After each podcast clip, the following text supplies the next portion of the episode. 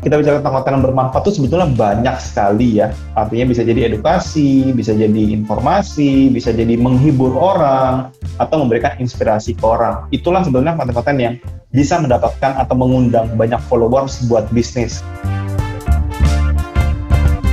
Hai hai Pinter People, selamat pagi, siang, sore, dan malam di mana pun kalian berada, di rumah, di kantor, di toko, atau dalam perjalanan di dalam mobil kamu.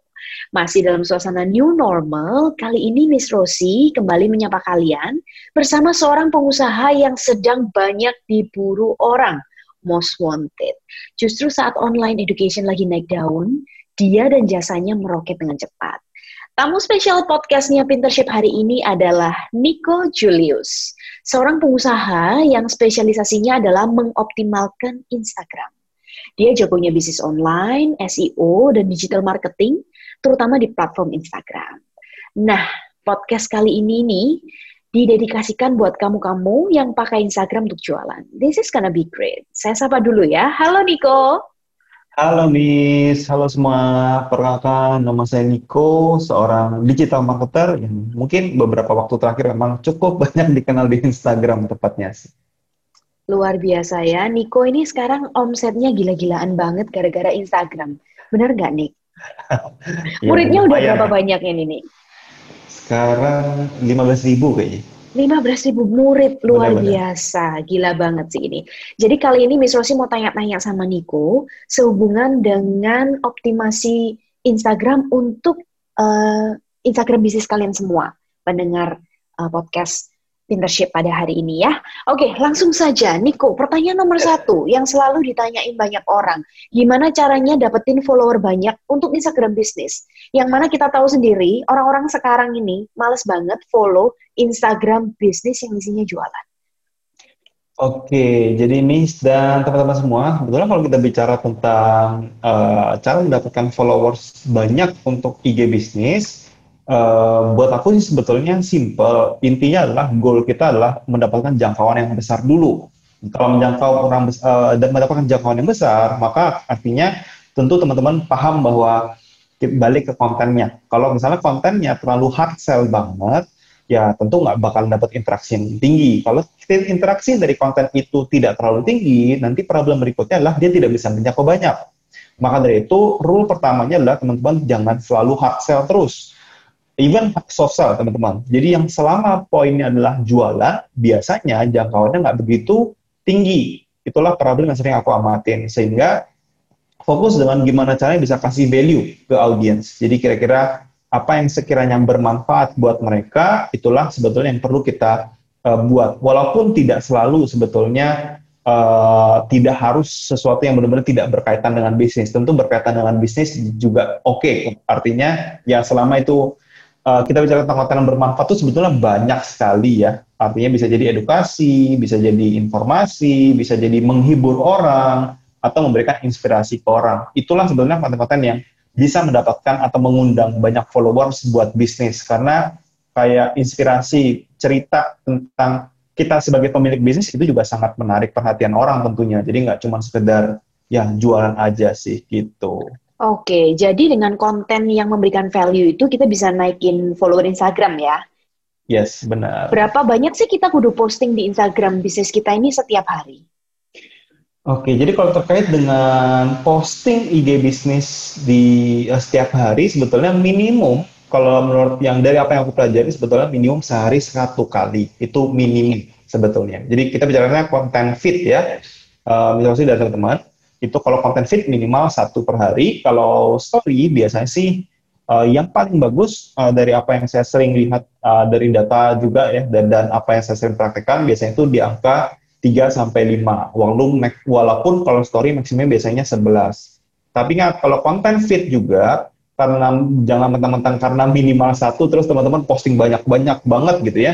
Jawabannya nggak bisa juga teman-teman posting di Instagram atau konten feed di Instagram uh, maksimal itu uh, dari apa yang saya uh, pelajarin sebenarnya di angka 3 sampai 4 dengan jeda waktu di masing-masing post itu sekitar 3 eh, 4 sampai 5 jam. Jadi itu yang paling optimal sebetulnya.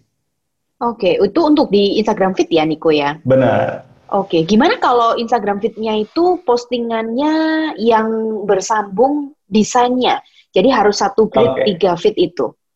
Yes, jadi kalau konten yang tipenya grid 369 mm-hmm. itu memang uh, artinya teman-teman itu kon jenis konten yang tidak bakalan bisa teroptimasi. Jadi kalau misalnya teman-teman mau posting dengan konten grid, uh, sudah pasti garansi tidak akan menjangkau orang banyak. Jadi cuman ya buat visual aja. Jadi jangan berharap bahwa konten grid akan meningkatkan followers dan lain-lain karena pasti tidak akan menjangkau orang banyak. Selain dari dia akan mengkanibal postingan satu dengan postingan lain, ya konten yang boleh dibilang putus-putus yang nggak nyambung atau nggak utuh biasanya juga nggak bakalan menarik perhatian orang sih kayak gitu. I see. Jadi untuk tampilan feed di Instagram visualisasinya aja ya.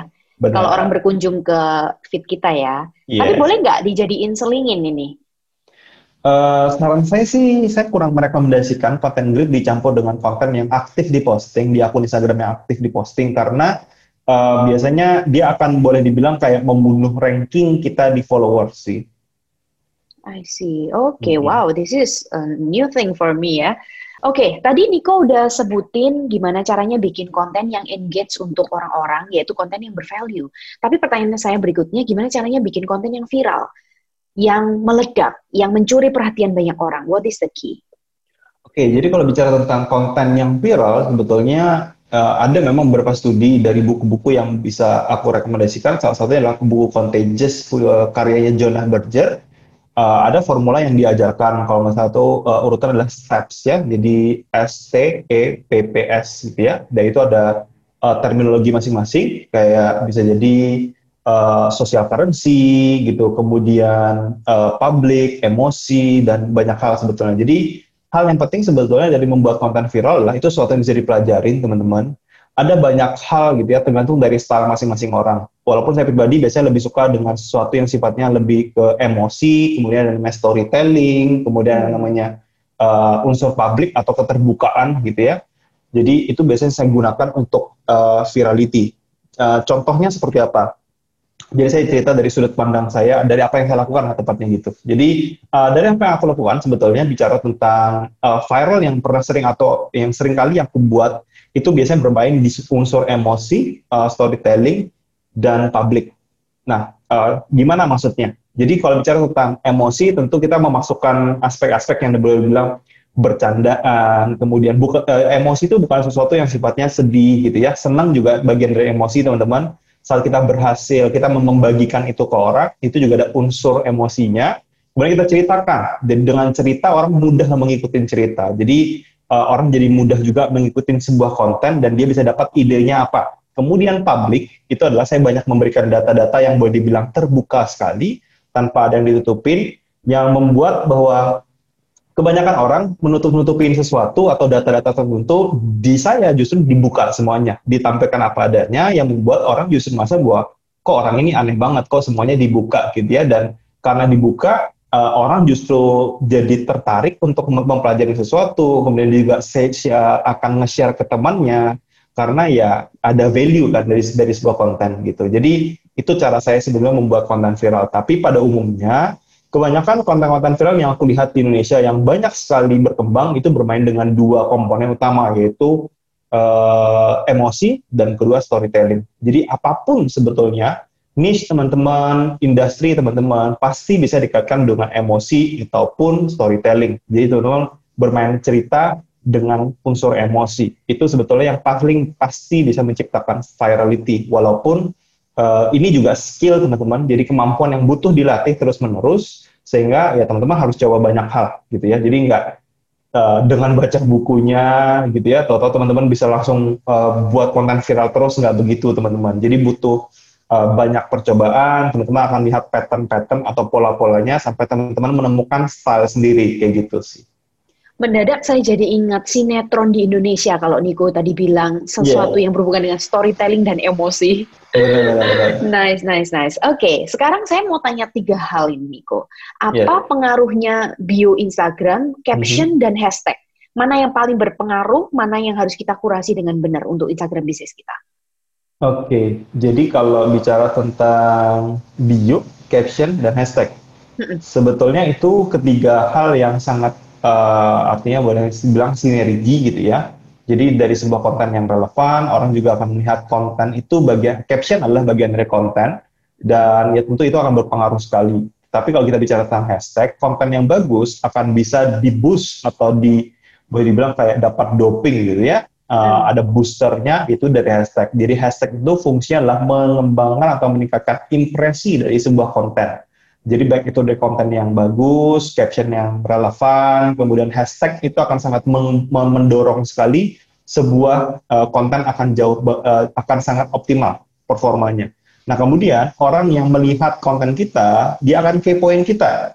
Kemudian saat dia kepoin kita, di sanalah peran dari bio. Jadi itu proses keseluruhannya. Artinya itu kenapa aku bilang mereka semua tiga part ini sebetulnya adalah sebuah sinergi yang ya satu rangkaian utama sebetulnya. Jadi tidak ada yang uh, superior, tidak ada yang uh, apa namanya, ya nggak ada sesuatu yang boleh dibilang mana yang lebih penting sebetulnya. Hmm. Semuanya penting gitu ya, karena kalau kita fokusnya cuma di bio, katakan gitu, atau kita cuma fokus di hashtag, tapi bio-nya tidak mengkonvert orang untuk jadi followers, kan juga percuma effort hashtag.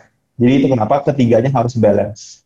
Oke, okay. bagaimana cara nemuin hashtag yang sesuai mm-hmm. dengan bisnis kita? Di mana kita bisa okay. tahu hashtag-hashtag ini? Yes, jadi kalau hashtag sebetulnya garis bawah yang teman-teman harus ingat baik-baik adalah bahwa hashtag itu harus relevan dengan konten, teman-teman. Karena saya perhatikan di Indonesia, kebanyakan teman-teman itu pakai hashtag sesuai dengan akunnya. Di sanalah part yang salah. Jadi hashtag itu harus sesuai dengan konten. Walaupun mungkin konten kita atau akun kita bicara tentang bisnis, satu kali kita posting tentang makanan, maka hashtagnya harus makanan, teman-teman. Itu dulu basic utamanya. Baru kalau kita berangkat dari uh, hashtag yang sudah relevan dengan uh, sebuah konten, misalnya makanan, baru kita cek turunan dari sebuah hashtag yang kita pakai yang terkait dengan makanan, teman-teman. Jadi hashtag itu harus mendapat uh, harus berelasi dengan hashtag lain yang kita pakai sehingga Instagram juga tahu bahwa oh hashtag ini itu berhubungan dengan satu sama lain. Sehingga kita lebih mudah untuk mendapatkan ranking di setiap hashtag yang kita pakai. Karena hashtag utamanya udah sesuai dengan konten hashtag turunnya pasti sesuai dengan hashtag utama. Itu hmm. membuat kenapa performa hashtag bisa jauh lebih optimal dibandingkan teman-teman mencari cara gimana caranya membu atau menemukan hashtag yang optimal banget. Saya sampai detik ini masih belum ketemu metode yang uh, tepat gitu ya, artinya yang benar-benar menggaransi itu semua, walaupun saya udah bayar uh, mulai dari ikut yang gratisan gitu ya, yang berbayar yang murah, sampai yang menghabiskan puluhan juta pun sama nggak ada cara yang uh, ya pasti, sehingga itulah yang saya bisa rekomendasikan, fokus dengan hashtag utama dan hashtag turunan, kemudian banyak melakukan testing hashtag, itu sih. I see. Berapa banyak hashtag yang harus kita taruh untuk sebuah konten yang kita upload, Niko? Oke, okay, idealnya kalau feed post itu bermainlah di angka 15 sampai 25 hashtag uh, setiap kali post kalau konten feed dan durasinya bebas ya, artinya uh, mau 15, mau 20, mau 25 boleh. Karena saya sendiri pernah coba di angka 30, 29, 28, 27 jadi per satu-satu saya coba. Yang paling optimal memang di angka 15 sampai 25 itu untuk konten feed. Kalau di story itu kita bisa buat maksimum 10, tapi saran saya sih biasanya satu atau satu aja cukup sih. Oke, okay. gitu. story ternyata juga penting ya diberi hashtag ya. Yes. Oke, okay. sekarang jam upload. Pukul berapa sih waktu hmm. yang tepat untuk upload? Apakah setiap orang memiliki jamnya sendiri atau yes. setiap kategori hmm. niche punya jam sendiri atau gimana? Oke, okay. jadi sebetulnya kalau terkait dengan jam posting itu tergantung dari audiensnya jadi memang tergantung dari uh, karakter industrinya. Ada beberapa orang yang misalnya audiensnya lebih ke karyawan, tentu posting lah karena Instagram adalah media sosial, teman-teman. Jadi kita harus posting di saat orang lagi online. Itu hmm. poin utamanya. ID big ideasnya di sana. Jadi jangan sampai kita posting di saat orang tidak online. Karena kalau kita posting di saat mereka sedang tidak online, maka nggak bakalan muncul postingan kita. Jadi kita harus posting di saat mereka online. Itu rule of thumb-nya.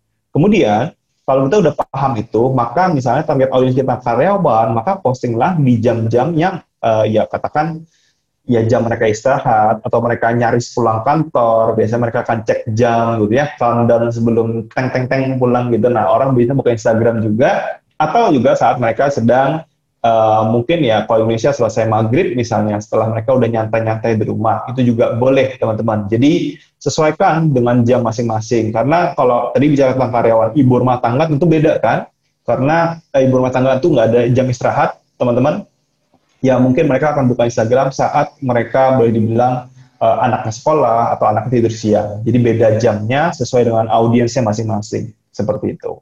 Alright, dari tadi kita udah belajar gimana hal-hal teknis ya yang berhubungan dengan konten. Tapi tentang kontennya sendiri nih, biar visualnya itu hmm. rapi, enak dipandang, tapi kita ini jualan produk. Apa sih selingan-selingan konten untuk IG bisnis yang mana kita ini jualan produk, tapi nggak melulu jualan produk, biar nggak terkesan ya itu tadi, cuman jualan melulu nggak ngasih value. Jadi kalau misalnya visual itu memang penting ya teman-teman. Jadi uh, ya terkait dengan konten di Instagram memang menuntut visual. Jadi suka tidak suka itu sesuatu yang harus kita jadi concern sebetulnya.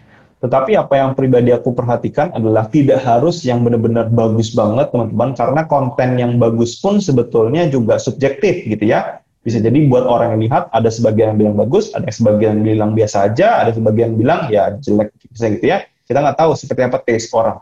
Tapi poin utamanya adalah selama konten ini uh, secara estetika cukup enak dilihat gitu ya, warnanya tidak tabrak saat nonton, uh, tidak buat orang sakit mata lah intinya gitu. Jadi nggak tabrak sana sini gitu ya. Buat saya udah bagus. Yang penting adalah tujuan dari konten adalah dia bisa mendeliver isi secara utuh. Itu doang sebetulnya.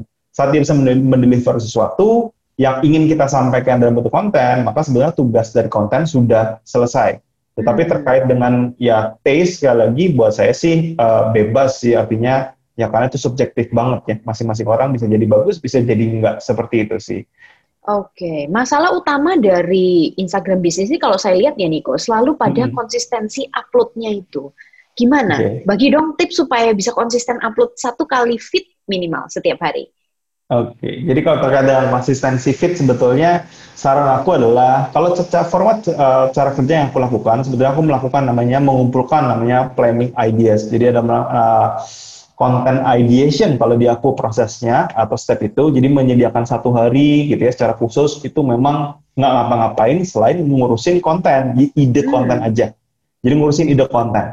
Jadi ide konten itu dipikirin, jadi udah langsung dapat berapa banyak tanpa judging ya, tanpa kita uh, bilang bahwa ini kayaknya cocok, ini enggak misalnya gitu ya. Jadi tanpa mikirin itu semuanya dimasukkan ke bank ideas, baru berikutnya kita akan filtering mana yang sesuai, mana yang oke, okay, mana yang enggak, kemudian kita mulai susun nih. Oh hari ini konten ini, besok ini, besoknya ini, besoknya ini, besoknya ini, sehingga saat kita udah jalan besok harinya, kita tahu oh hari ini ini, oh besok ini, oh besok ini, oh besok ini, sehingga kita nggak bingung lagi untuk posting apa. Dan kalau teman-teman tahu misalnya, oh uh, tiga hari lagi kita ada jadwal apa ya kita akan kebut hari ini atau hari-hari sebelumnya akan gitu dan kita bisa schedule uh, postingan dengan ya Facebook Creator Studio tools official dari Facebook, uh, Instagram yang teman-teman bisa pakai untuk scheduling konten sih. Jadi sebetulnya buat saya sebetulnya ya nggak terlalu banyak sebetulnya alasan kenapa kita nggak posting sebetulnya. Intinya yang penting itu nabung ya, dedikasiin Benar. satu hari khusus untuk bikin yes. konten. Nah sekarang gimana dengan Instagram Ads untuk IG bisnis kita? Kapan mm -hmm. sih kita tahu bahwa oh it's time for me untuk mengiklankan konten aku? Oke, jadi kalau bicara tentang iklan sebetulnya buat aku sih kalau uh, hal yang penting adalah teman-teman harus paham dulu minimal iklan itu gimana cara kerjanya. Kalau kalau teman-teman uh, tahu cara kerjanya, iklan jadi relevan teman-teman. Bahkan ya saat kita followersnya nol sekalipun. Karena saat saya menjalankan bisnis selama enam tahun terakhir, uh, follower saya di Instagram nol teman-teman. Jadi nggak pernah saya merasa bahwa uh, perlu sekian banyak followers agar orang beli. Jadi saya nggak pernah pakai metode kayak gitu. Jadi saya uh, karena saya memang backgroundnya di iklan, jadi buat saya sebenarnya iklan itu uh, kapan pun teman-teman punya budget gitu ya, teman-teman aware bahwa teman-teman paham juga gimana cara kerja iklan, tujuan iklan itu apa, uh, teman-teman tahu cara mainnya, teman-teman bisa beriklan ya kapan pun gitu ya. Karena tujuan dari iklan sebetulnya bukan meningkatkan followers, teman-teman. Tujuan iklan adalah menghasilkan sales. Itu poin hmm. utamanya. Jadi ya membuat iklan efektif, memahami siapa target audiensnya, uh, memberikan penawaran yang tepat ke audiens itu dari produk kita atau produk atau jasa kita itu juga menjadi penting. Jadi sebetulnya uh, ada banyak aturan-aturan, bukan aturan ya, aturan dan uh, pola pikir yang berbeda sekali saat kita bicara tentang mengembangkan secara organik teman-teman dari iklan yang membuat itu adalah satu hal yang berbeda lagi sebetulnya harus teman-teman pelajarin sama halnya kayak kita bermain uh, monopoli dengan ular tangga, teman-teman. Dua-duanya sama-sama permainan, sama-sama permainan papan gitu ya, tapi punya aturan masing-masing kan, punya cara main masing-masing, punya uh, cara menang dan kalah masing-masing. Dan itu sebetulnya yang teman-teman harus sadarin bahwa bermain Instagram secara organik maupun iklan itu dua hal yang berbeda walaupun sama jenis permainannya. Jadi ya teman-teman harus belajar dulu cara aturan main masing-masing agar teman-teman bisa main dengan lebih seru ya. Artinya teman-teman paham kapan menang, kapan kalah gitu ya. Kapan teman-teman harus coba lagi seperti itu. Menarik. Berarti rules of the game-nya harus kita pelajarin terlebih dahulu. Benar. IG Story Ads atau IG Feed Ads yang lebih efektif? Uh, buat aku pribadi sebetulnya harus diaktifin dua-duanya teman-teman karena uh, berapa kali uh, aku udah melakukan banyak testing gitu ya. Kadangkala teman-teman satu hari misalnya kalau kita misalnya cuma bilang oh bagus gitu ya, kemudian kita hanya iklan di fit dan kita tidak iklan di story, kemudian yang terjadi adalah satu kali pasti di fit bisa jadi mahal teman-teman. Saat mahal, ya kita akan kena mahal gitu ya. Jadi cost per acquisition-nya akan tinggi dan ya boleh dibilang kita akan merugi hari itu. Karena bisa jadi hari yang sama story bisa murah kan.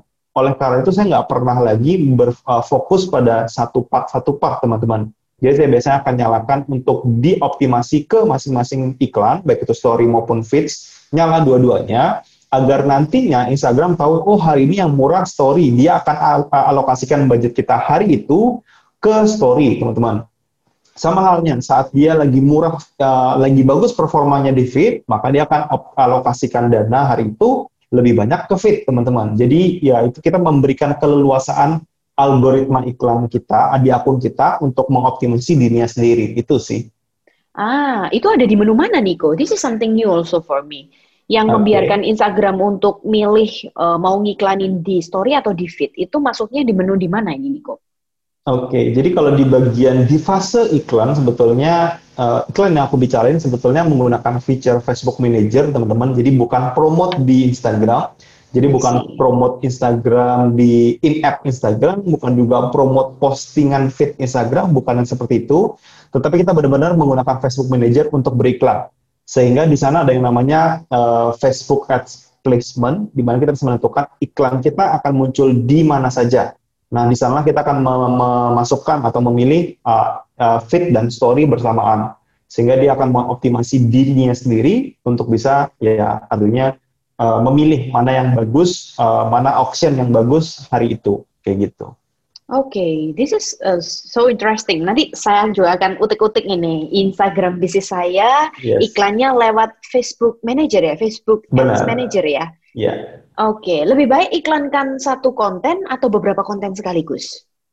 Uh, kalau biasanya sih aku menyarankan kalau kita bicara tentang katakan kita pengen promosiin satu produk atau jasa, biasanya saya akan saranin untuk minimal buat 3 sampai 5 kreatif. Jadi itu dulu yang kita coba.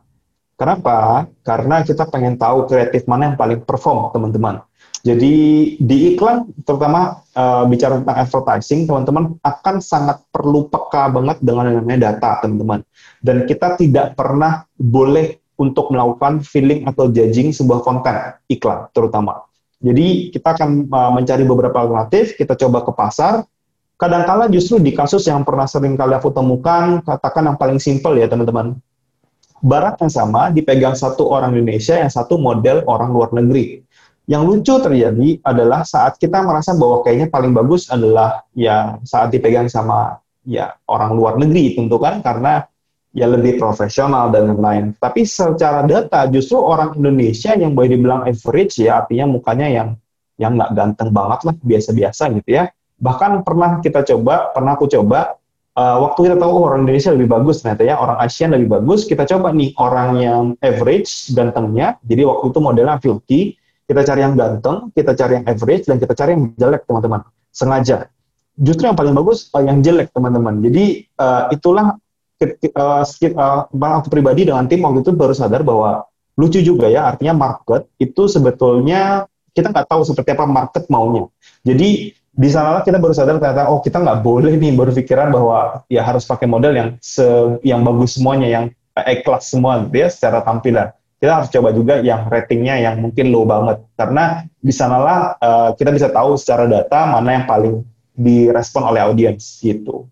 Menarik. That's why 3 sampai 4 konten ini diiklankan bersamaan lalu kita baca Benar. datanya ya Nick ya. Benar sekali. Oke, okay, right. Oke. Okay. IG bio udah dibenerin, posting konten hmm. udah setiap hari satu, ya kan? Iklan udah mulai nyoba. Ada nggak tips strategi penjualan sendiri dari Nico supaya boosting sales dari Instagram bisnis? Oke, jadi kalau terkait dengan iklan, sebetulnya memang uh, ini salah satu yang boleh dibilang makanan hari-hari yang aku lakukan selama enam tahun terakhir, teman-teman jadi kalau bicara tentang boosting jualan, sebetulnya teman-teman harus sadar bahwa orang beli sesuatu kepada brand yang tidak mereka kenal atau yang baru mm-hmm. pertama kali mereka lihat, mm-hmm. itu berdasarkan satu hal, yaitu benefit yang mereka dapatkan. Simple, teman-teman. Saat orang mendapatkan benefit dari orang yang pertama kali dia kenal, selama itu menguntungkan buat dia dalam porsi cukup signifikan, orang akan beli. As simple as that. Itu rule of thumb-nya. Karena saat kita memberikan, ya artinya, uh, penawaran yang biasa-biasa saja, yang terjadi adalah dia akan membandingkan kita dengan toko langganannya dia. Karena bisa jadi menurut dia ya ya biasa-biasa saja. Mending kita beli di toko langganan kita. Kenapa? Karena kita kenal. Lebih nyaman di sana. Berbeda halnya saat yang kita berikan penawarannya sangat sulit banget buat dia tolak. Jadi itulah yang membuat orang akhirnya kenapa memutuskan ya saat itu dia beli di tempat kita karena dia untung banget. Kalau dia nggak dapetin penawaran ini sekarang dari kita, dia yang akan rasanya rugi banget atau dia yang akan kecewa banget kalau dia sampai melewatkan hal ini. Nah, sebetulnya itulah yang teman-teman harus buat. Jadi penawaran itulah yang teman-teman harus buat untuk dimunculkan, baik itu di feed, di story, di bio teman-teman. Artinya, ya artinya salah satu yang saya biasa gunakan adalah namanya value setting, teman-teman. Tekniknya, uh, di mana barang misalnya harganya 150 ribu, saya tidak jual dengan diskon teman-teman, tetapi harga 150 ribu, dia tetap bayar 150 ribu, justru bisa lebih gitu ya. Misalnya dia bayar 165 ribu justru. Jadi harganya kita mahalin, tetapi dia bisa dapetin value sampai 300 400 ribu. Di sana mereka tetap untung kan. Di saat mereka tetap keluar uang 165 ribu, lebih mahal sedikit daripada yang pada umumnya intinya gitu. Tetapi karena value yang dia dapatkan jauh lebih besar daripada yang dia bayarkan, orang tetap beli. That's the point. Artinya saat kita tahu bahwa orang beli saat dia untung, teman-teman, ya orang pasti beli. Jadi uh, itu yang teman-teman bisa pelajari untuk value stacking adalah ya gimana caranya kita bisa mengemas sebuah produk menjadi sebuah penawaran yang memiliki value tinggi seperti itu. Oke, okay. Pinter People, baru saja Niko ini jelasin tentang kita sesuatu yang berhubungan dengan customer behavior dari target market kita. Jadi sebelum kita mengetahui apa yang bisa membuat mereka ini merasa untung pada saat mereka membeli dari kita, penting buat Pinter People untuk mengetahui nomor satu pastinya target market kalian siapa, lalu what is your uh, customer behavior. Jadi karakteristiknya customermu itu seperti apa supaya kalian bisa bikin satu konten yang benar-benar bisa uh, membuat mereka punya sense of urgency untuk membeli saat itu juga. Benar kayak gitu ya, Nick ya? Benar-benar. Oke, okay, nah sekarang uh, kalau kita udah melakukan semua nih yang udah Niko jelasin dari A sampai Z tadi ya, dari uh, secara teknis sampai iklan, apa aja nih indikator-indikator yang mesti kita perhatiin bahwa performance kita ini sudah bagus, apa yang mesti kita perhatikan, data-data bacanya di mana, itu apa aja sih yang harus kita evaluasi nih? Oke, misalnya sih dan teman-teman pinter people berarti ya, pinter people semua. Yes. Eh, benar ya? Hmm. Benar, people. Pinter people. Jadi people, uh, bicara tentang indikator, sebetulnya apa yang aku boleh rekomendasikan adalah uh, pertama teman-teman harus tahu ujungnya apa. Ujungnya tentu sales gitu ya. Tapi sales sendiri juga harus bisa terukur teman-teman. Apakah kita tahu bahwa dia datang dari Instagram? Itu kan pertanyaan berikutnya. Dan salah satu cara yang paling boleh dibilang paling ya paling umum gitu ya, yang yang paling ya simpelnya yang paling awam banget gitu ya. Uh, biasanya saya akan merekomendasikan uh, memisahkan nomor WhatsApp misalnya gitu ya yang secara khusus kita tahu bahwa itu tidak kita promosikan di tempat lain selain Instagram. Sehingga kita tahu bahwa oh lead-nya itu yang muncul atau masuk dari sana pasti dari Instagram saja. Artinya kita bisa menghitung berapa banyak lead yang masuk dari Instagram, kemudian itu pasti goal akhir. Baru ditarik ke depan teman-teman, lihat berapa banyak yang follow, berapa banyak yang visit, berapa banyak yang reach atau menjangkau gitu ya, kemudian berapa interaksinya. Jadi mulai dari interaksi depan, kemudian uh, lanjut ke uh, reach atau jangkauan, kemudian baru cek profile visit, kemudian uh, baru cek follow-nya, kemudian cek website klik, kemudian jumlah WhatsApp, misalnya kalau WhatsApp yang digunakan, Kemudian juga terakhir adalah sales. Sebetulnya itu yang indikator yang teman-teman uh, perlu ya uh, lihat. Sebenarnya itu aja sih. Yang lain saya biasanya jarang perhatikan. Oke, okay, wow, nggak kerasa udah hampir satu jam kita ngobrol tentang cara optimasi Instagram bisnis buat pinter people yang ada di rumah. Nah, kenapa saya harus akhiri uh, wawancara saya dengan Niko hari ini? Karena sebenarnya saya udah dapat banyak sekali hal-hal yang teman-teman harus lakukan.